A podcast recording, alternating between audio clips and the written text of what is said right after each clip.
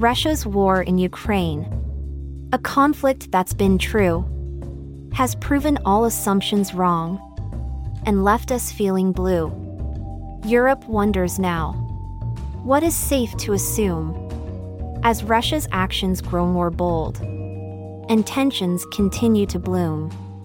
We thought we knew the truth, but now our thoughts are proven false, leaving us to wonder and doubt in this uncertain cause.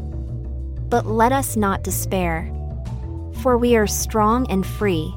We'll weather this storm together and see our way to victory. So let us stand tall and proud, defying Russia's mighty hand. For Ukraine and Europe both, we'll make a stand and take a stand